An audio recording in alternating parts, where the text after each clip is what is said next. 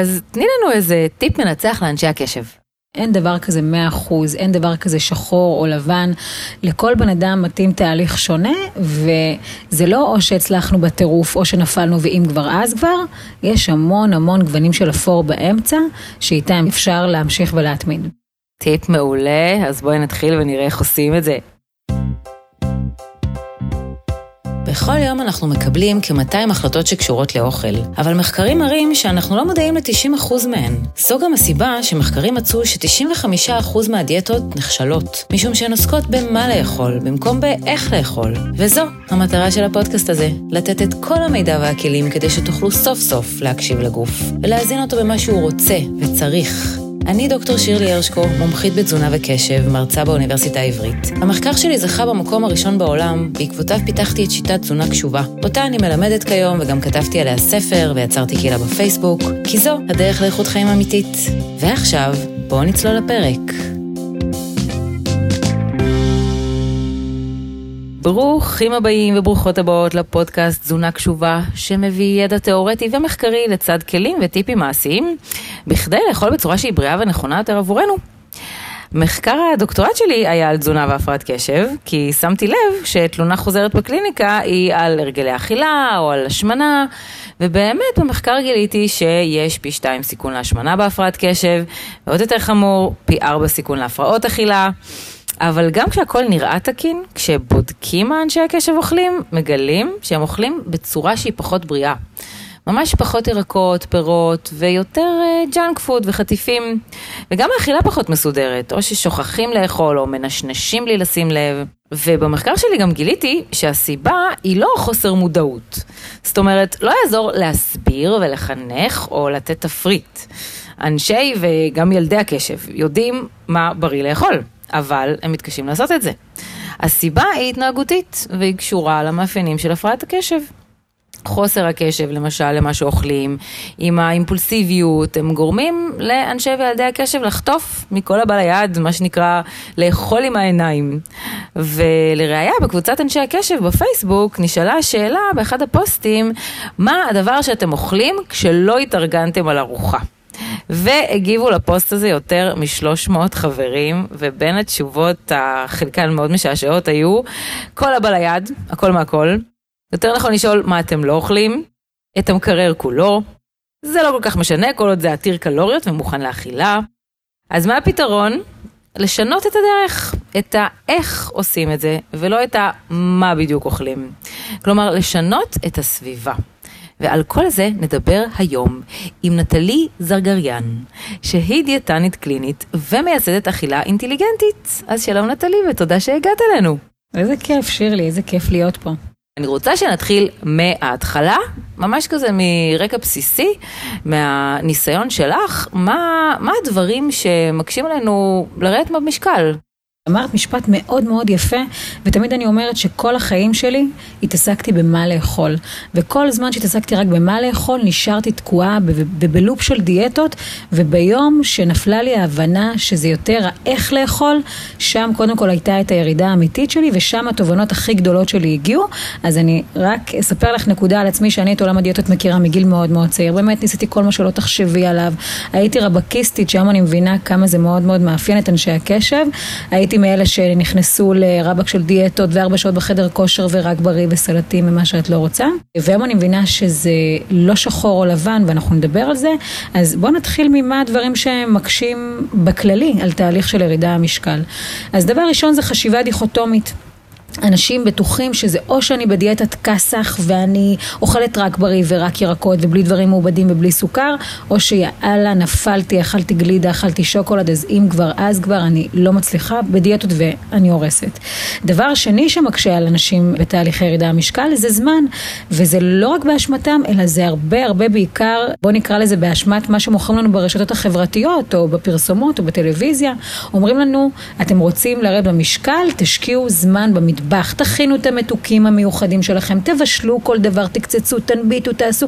כלומר, המון המון התארגנות במטבח, וסורי שירלי, ב-2023, כולנו אנשים עסוקים, זה לא משנה אם את מנהלת סטארט-אפים או מנקה בקניון, לאף אחד מאיתנו כמעט אין זמן להנביט, לחתוך ולקצוץ, וזה מאוד מאוד משפיע עלינו, ואנחנו בטוחים שאם אין לנו זמן, אז אנחנו לא יכולים לנהל תהליך של ירידה במשקל.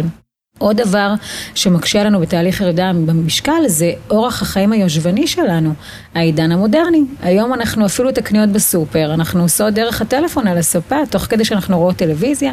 לרובנו יש עבודה שהיא במשרד או יושבנית וזה גורם לנו לזוז פחות נקודה.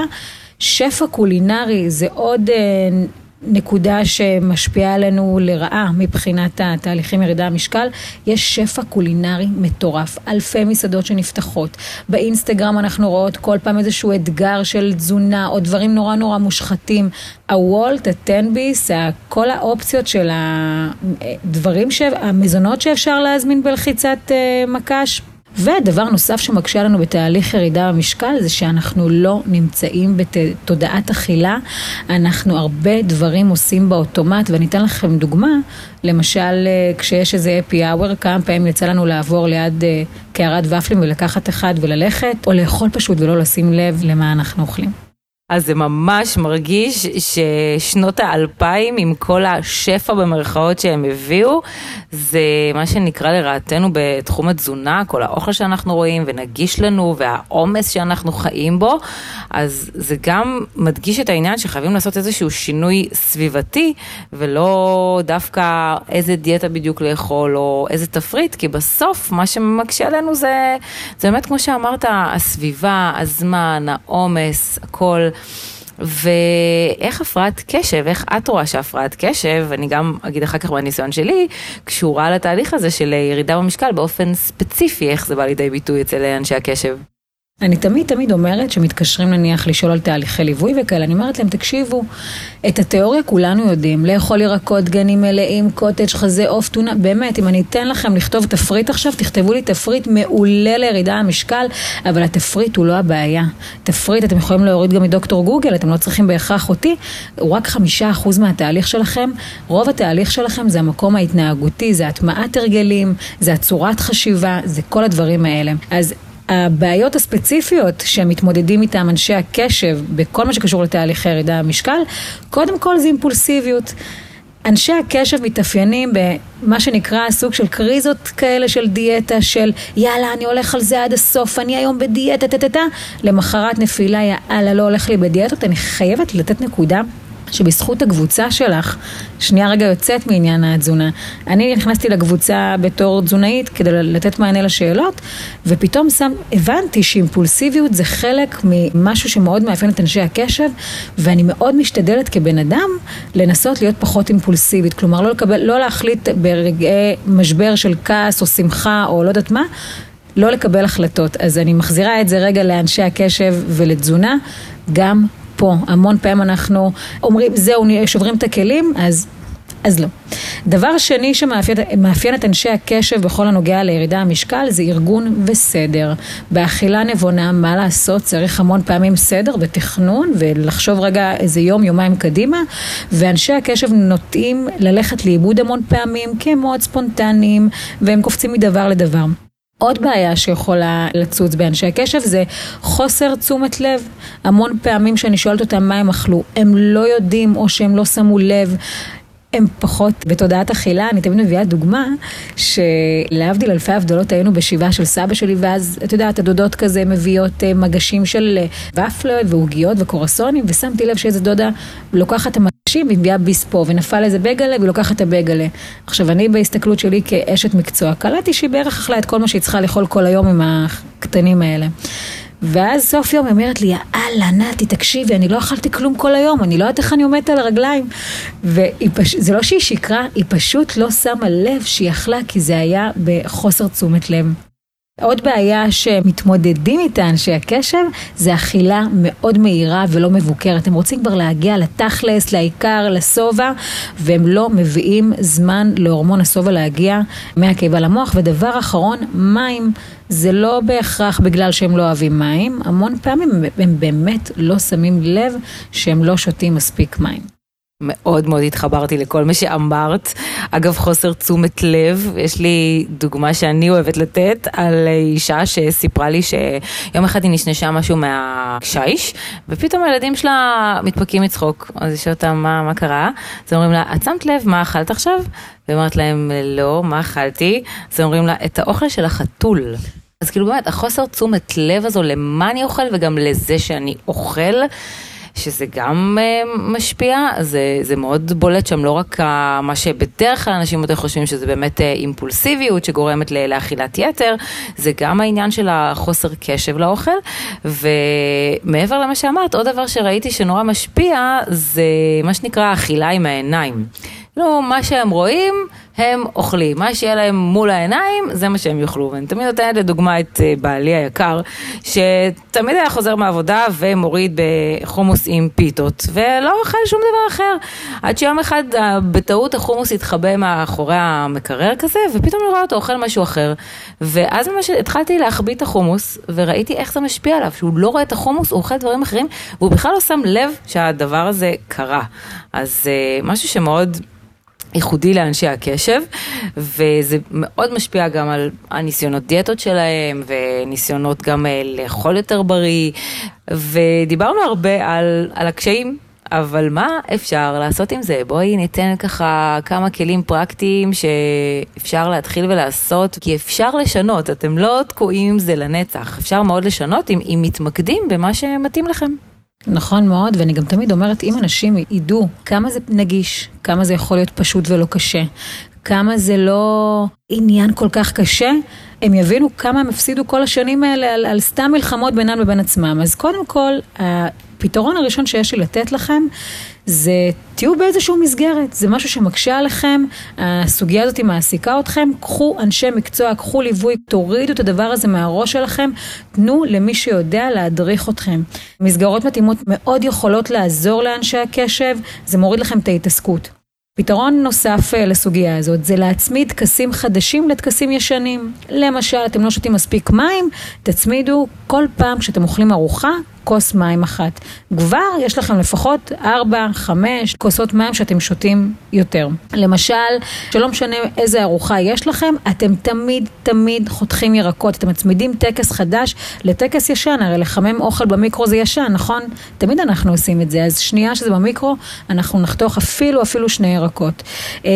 אימונים, תעשו לכם אימונים בשעות קבועות, למשל אני יודעת שקבוע קבוע ימי שלישי בשעה שבע, יש לי אימון ריצה. אני יודעת קבוע קבוע שבימי שישי בשעה שמונה, יש לי אימון כוח, זה יעזור לכם הרבה יותר ליישם את העניין של האימונים ושל התזוזה. פתרון נוסף, ואולי אחד החשובים, זה להבין שאין שחור או לבן, יש כל כך הרבה אפור, כל כך הרבה באמצע. החיים הם לא 100% הצלחה או 100% כישלון, וההמלצה הכי טובה שלי לגבי זה, זה שכל יום תמנו הצלחה אחת לפחות שלכם. יש לנו נטייה כאנשים תמיד לזכור את הלא טוב, את מה, מה עשינו שהוא לא בסדר, ואני באה ואומרת ההפך, תמיד בכל יום תנסו לזכור מה הטוב שעשיתם. למשל, הבוקר הצלחתי לשתות עוד כוס מים, הבוקר הצלחתי לאכול ארוחת בוקר, היום הצלחתי לקום טיפה יותר מה, מהכיסא במשרד. עוד פתרון שאני יכולה להציע לכם זה להקדיש כמה דקות מחשבה ותשומת לב לארגון היומי. בואו נחשוב יומיים קדימה. לא עכשיו שבועיים קדימה. אפילו ברמת, אני יודעת שיש לי במקרר קוטג', לחם, גבינה, ביצים, ברמה הזאת אני יודעת שיש לי מה לאכול פלוס מינוס, זה מספיק. פתרון נוסף זה לאכול רק בישיבה. ומתוך צלחת, לא משנה מה, אני תמיד מספרת שהייתה לי לקוחה עם ארבעה ילדים, שהייתה אומרת, נטלי, אני לא מספיקה, אני, אני מארגנת את הילד, לוקחת ביס מהסיר, לוקחת מפה, לוקחת משם, והייתי אומרת לה, את יודעת מה? עזבי רגע, אנחנו לא עושות תפריט, בסדר? בואי נחליט שכל מה שאת אוכלת, את שמה, אפילו אם זה במבה אחת, את שמה על צלחת, כי כשאנחנו שמות על צלחת אנחנו מביאות לאוכל לגיטימציה, וזה לא בחטף, זה לא בגניבה. כשאנחנו שמות על צלחת ויושבות, אנחנו בתודעת אכילה, אנחנו מבינות רגע שמשהו נכנס לגוף. כשאנחנו חוטפות משהו על הדרך, אנחנו לא בהכרח שמות לב אליו. אז רק בישיבה, רק מתוך צלחת, לא משנה מה, ופתרון אחרון שאני אולי הכי אוהבת, זה לעצור באמצע ארוחה למשך שתי דקות, ותמיד כולם אה, מגלגלים עיניים ואומרים לי, מה, את רצינית? אבל אנחנו בשוונג של אכילה, מה ייתנו לי השתי דקות האלה? אז השתי דקות האלה עשו שני דברים. דבר ראשון, הם ייתנו קצת זמן להורמון השובע להגיע למוח. רגע להגיד לו, אני רעבה יותר, אני רעבה פחות, מה קורה? גם אם תאכלו את כל האוכל, הכל בסדר. דבר שני, זה להיכנס לתודעת אכילה. תמיד אני אומרת שמי שמכיר אותי ועוקב אחריי, אני על 7,000 קמ"ש. באמת, שירלי, אני כאילו רצה מפה לשם, זה, שזה מגיע לאוכל, אני במינוס 800 קמ"ש, כלומר נורא איטית ולאט, כי מבחינתי זה המקום של לתת ולעשות כבוד לאוכל. איזה יופי, כמה טיפים. אני רוצה לציין באמת שאפילו אם ניקח משהו אחד ממה שאמרת, להצמיד כוס מים להרגל אחר, לשבת ולאכול מתוך צלחת, אמ, להוסיף שני ירקות לארוחה, אפילו אם... תיקחו טיפ אחד, זה כבר משהו ש, שישפר, ואני רוצה באמת להוסיף עוד כמה דברים בעניין הזה. דבר ראשון זה הנושא של, את גם הזכרת את זה, של להתאים לכם. אז אנשי הקשב הם, בואו, אנשים מיוחדים. והרבה פעמים הם אה, חיים אחרת, חושבים אחרת, המוח שלהם אחרת, והם צריכים לעשות התאמה אליהם, זאת אומרת, ולא לא כזה להשוות לאנשים אחרים. למשל, יש את הסוג של ה-ADD, אה, בלי ההיפר, שהם אנשים שהם יותר כזה איטיים ויותר חולמניים, ובדרך כלל הם פחות אוכלים בבוקר, מתחילים בעצם לאכול רק בצהריים, ולפעמים אומרים להם, לא, לא, חייבים לאכול בבוקר, זה חשוב לאכול בבוקר, זה הארוחה הכי חשובה ביום. לא, אני נותנת לכם לגיטימציה, אוקיי? אם אתם ADD, אם אתם לא רעבים בבוקר, לא נפתח לכם התיאבון ואתם לא צריכים לקחת תרופה, אז, אה, אז אפשר להתחיל לאכול בצהריים. אני מאוד בעד ש, שתראו מה מתאים לכם, מה עובד לכם, ועם זה תזרמו ולא תנסו להעתיק מאנשים אחרים בכל תחום, אגב, בהפרעת קשב. ובטח שגם uh, בתחום הזה של התזונה, זה דבר אחד.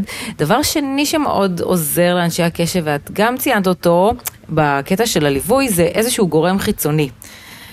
בגלל שחסר דופמין במוח של הפרעת קשב ואין פה את הורמון החיזוק והורמון ההנאה עם העין שיתחיל את הדברים, אז צריך יותר עזרה. באופן כללי, כמו כל בן אדם שיש לו איזושהי לקות, איזושהי נכות, איזשהו קושי, הוא צריך יותר עזרה, בהפרעת קשב צריך יותר עזרה. תמיד אומרת להורים, לילדים שואלים אותי, אבל עד מתי? עד מתי אני צריך לעזור לו? עד מתי אני צריך להכין לו את הכריך? ואני אומרת להם, גם עד גיל 47, כנראה, אה, יכול להיות שהוא יצטרך שיכינו לו כריך, כמו שאני מכינה נגיד לבעלי, כי אחרת הוא לא יאכל, הוא ישכח. יש פה בעיה בתפקודים הניהוליים, וצריך להכיר בה. כל מה שקשור בסדר ארגון זה מוחי, זה במוח, זה במוח הקדמי שהוא יותר קטן בהפרעת קשב, אין בו דופמין, והרבה יותר קשה להתנהל, להתארגן, להסתדר. אז אל תפחדו לקחת עזרה, בין אם זה מישהו שיבשל לכם או יכין לכם או יארגן לכם, או, או תקנו, או לא יודעת מה, גם כנ"ל לגבי הספורט, אה, חברה שאתם יוצאים איתה לעשות את ההליכה, מישהו ככה שישב עליכם, כי השוטר הזה בהפרעת קשב, שבעצם אומר עכשיו תעשה ככה, עכשיו תעשה ככה, הוא, הוא חסר. אז צריך לקחת אותו מאיזשהו גורם חיצוני הרבה פעמים, וזה לא בושה, גם ככה מחקרים מראים שהאנשים שהכי הכי מצליחים בעולם, זה אנשים שיודעים להיעזר, אז אין פה מה, מה להתבייש, אלא להפך, זה, זה חוזקה. דבר נוסף שרציתי להגיד, זה באמת העניין של התכנון קדימה, שהוא קשה.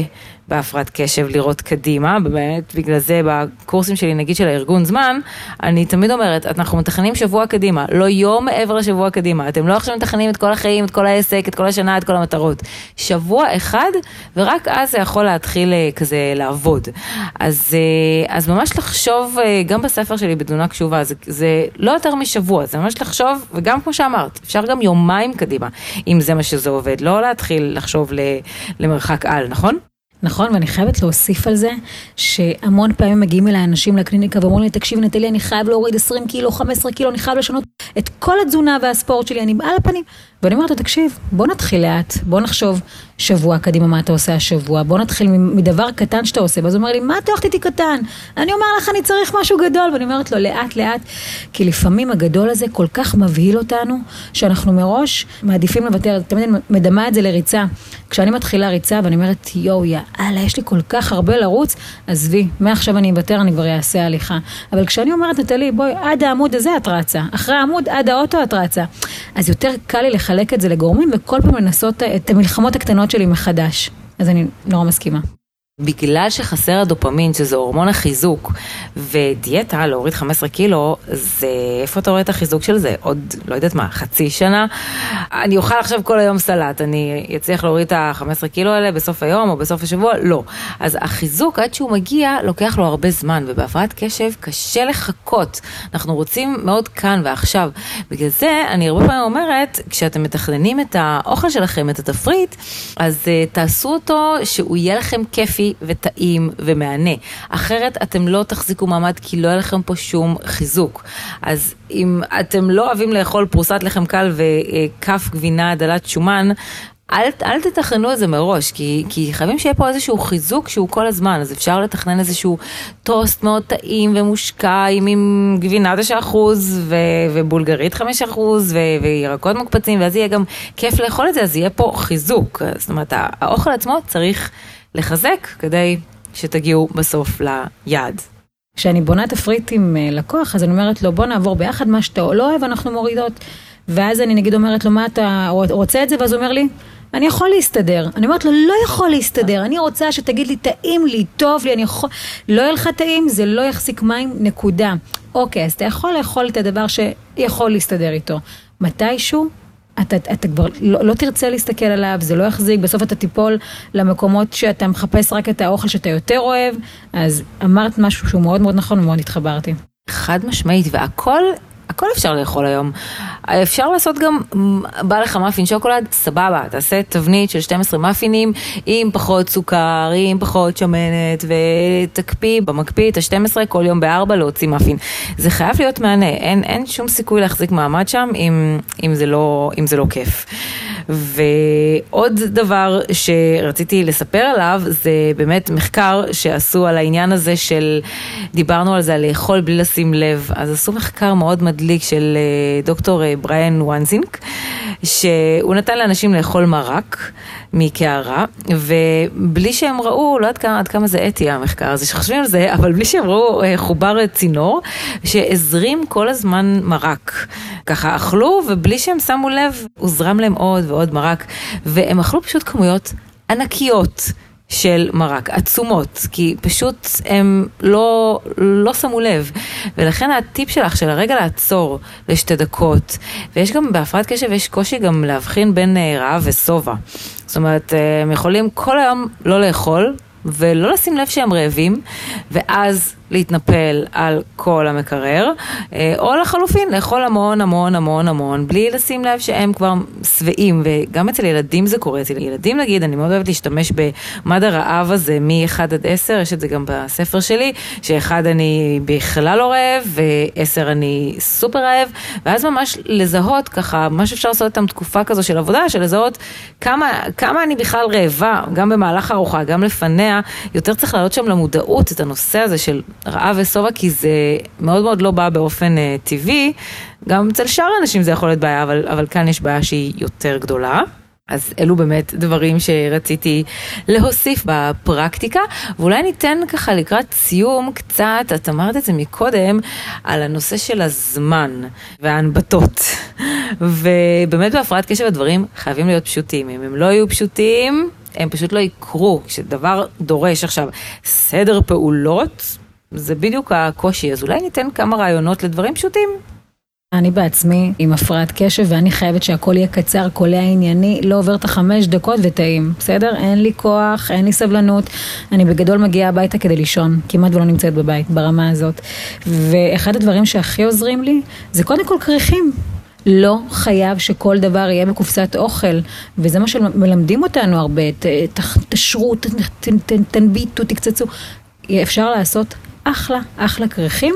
אחד הדברים שיותר עוזרים לי זה להכין את הכריך בערב, בבוקר פשוט לשים אותו בטוסטר, ברמה של מכינה אה, חביתה, טונה, ב... לא משנה, כמו שבא לכם, בבוקר שם בטוסטר, אפילו שמגיעה לעבודה, זה אפילו לא מצריך ממני את הכמה דקות בבית להיות עם הטוסטר. עוד דבר, קוטג'ים, יוגורטים, יש אה, כל מיני אה, חטיפים של... אה, דלי קלוריות נגיד למי שרוצה, שאפשר להוסיף יחד לקוטג' או ליוגורט או whatever, זה פשוט לשלוף מהמקרר ולצאת מהבית. אני תמיד ממליצה, נגיד, להכין את הכמות חלבון שלכם, לא חייב את הכמות פחמימה, את הכמות חלבון לצהריים עם קדימה, למשל טופו, אז אני מכינה כמה חבילות טופו ביום אחד, ויש לי לפחות אה, שלושה, ארבעה ימים קדימה, חזה עוף, סיים סיים.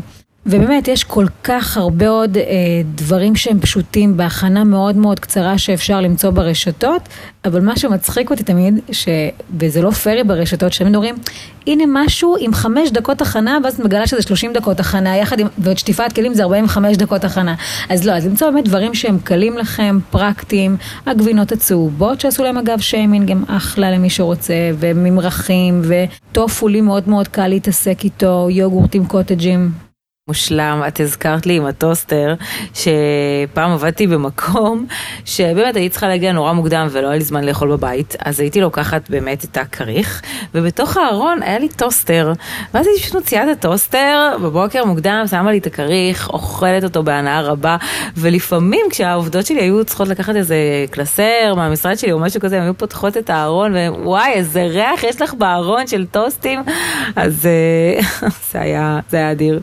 אגב, הזכרת לי עוד נקודה שפתאום אה, לא אמרתי אותה, שכל צהריים, כל מי שהייתי במשרד אמר לי, כל הכבוד, נטלי, את מכינה, כל צהריים את מכינה סלט, וואו, כמה זמן, כמה השקעה. מה שהם לא יודעים, שאני פשוט יוצאת צהרורית בבוקר מהבית, לוקחת איתי ירקות ויוצאת. במשרד אני מכינה את הסלט. עכשיו, מה המון פעמים אנשים חושבים? טוב, אם אני מתחיל לאכול סלטים, אז בבית אני חייב להכין לי קופסה מסודרת עם הסלט והאורז והחזה עוף, ואני באה ואומרת, לא חייב להכין הכל בבית.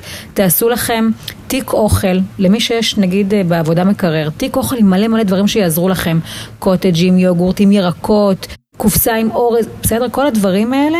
אגב, גם דברים, דברים למתיקה, כלומר, שוקולדים שלכם שאתם רוצים לאכול ולא, תימנעו מהם להפסקת קפה שלכם, תמרים, אוקיי? ואז בעבודה, עובדתית, יש לנו יותר זמן להתעסק בזה, מאשר להכין קודם בבית. זה אחלה פתרון. עוד דבר שאפשר לעשות, שלי הוא באמת יותר עבד כי לא היה לי אז מטבח בעבודה, זה פשוט הייתי מכינה חמש קופסאות של סלטים למהלך השבוע, כזה חסות, נבטים, עניינים, מלפפונים והרוטב בצד, ופשוט הייתי לוקחת את זה כל בוקר סלט כזה, זה מחזיק מעמד מעולה. אבל את יודעת שדיברת, חשבתי על זה, מה לגבי אנשים שאוכלים בעבודה, בחדר אוכל, או הכרטיס הזה למקומות בחוץ, עוד יותר גרוע. מה, מה אפשר להגיד להם, לייעץ להם? אז קודם כל זו שאלה מעולה, אני עושה הרבה הרצאות לחברות הייטק וזה הדברים הראשונים שעולים, כי לכולם יש את הכרטיס שהם קונים איתו את האוכל, אז קודם כל, עצה של אשת רכש, תשמרו את ה... אתם לא חייבים לקנות בזה אוכל, אתם יכולים לשמור את זה אחר כך לקנות בסופר סוף החודש, אוקיי? שמה את זה רגע כוכבית בצד. דבר שני, תראו, אפשר למצוא אוכל אה, שהוא יותר סביר, אם זה כמות חלבון טובה, כמו דברים שהם למשל אורז עם פרגית, או חזה עוף לצורך העניין, או סלט עם טונה, זה אחלה של דבר. אבל אני באה ואומרת דבר כזה, תראו, כשאני מכינה בבית אני יודעת בדיוק מה שמתי, כשאני אוכלת בחוץ, לא משנה מה, אני לא יודעת מה קרה שם. והזכרת לי איזה נקודה שרציתי להגיד אותה, שאנשים אומרים לי, תקשיבי, אין לי זמן, אני מארגנת, אני עושה, אני פה, אני שם, ואז אני באה ואומרת, שירלי, תחשבי שיש לך ילדה, ולילדה הזאת קוראים שירלי. והילדה שירלי לא מעניין אותה שאימא שלה עסוקה, או שיש לה עבודה, כלום לא מעניין אותה, היא צריכה לקבל את המטרנה שלה בשעה 10-12, לא יודעת, אוקיי? את הילדה הזאת, ואותך לא אמור לעניין כל הלחץ והטירוף שיש, ואת צריכה לדאוג לאכול את האוכל שלך בזמן שלך. אז אם אני שנייה רגע חוזרת לנקודה של הלאכול בחוץ, תראו, זה שלכם. אם אתם רוצים להשקיע יותר באוכל שלכם, עדיף שתכינו אותו בבית. אתם גם יכולים לאכול אותו בחוץ, אבל אין מה לעשות. ככל שתכינו יותר את האוכל שלכם, אתם שולטים במה קורה שם, וזה בסוף עניין שלכם כמה אתם מוכנים להשקיע. והנה אני מחזירה את זה שנייה לילד, לילד שלכם. אתם לא תשקיעו באוכל, אתם תביאו לו רק דברים שיש בחוץ, מן הסתם שאתם תרצו לבשל לו יותר ולהכין לו יותר, כי זה הילד הטהור והטוב שלכם. סיים, סיים.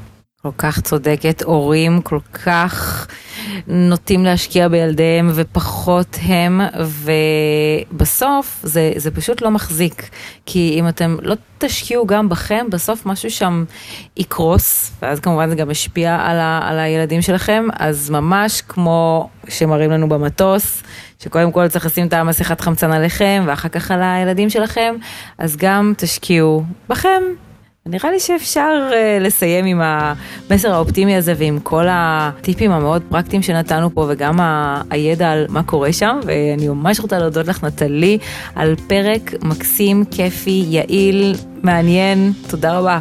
תודה לך שאירחת אותי, היה לי מאוד מאוד כיף.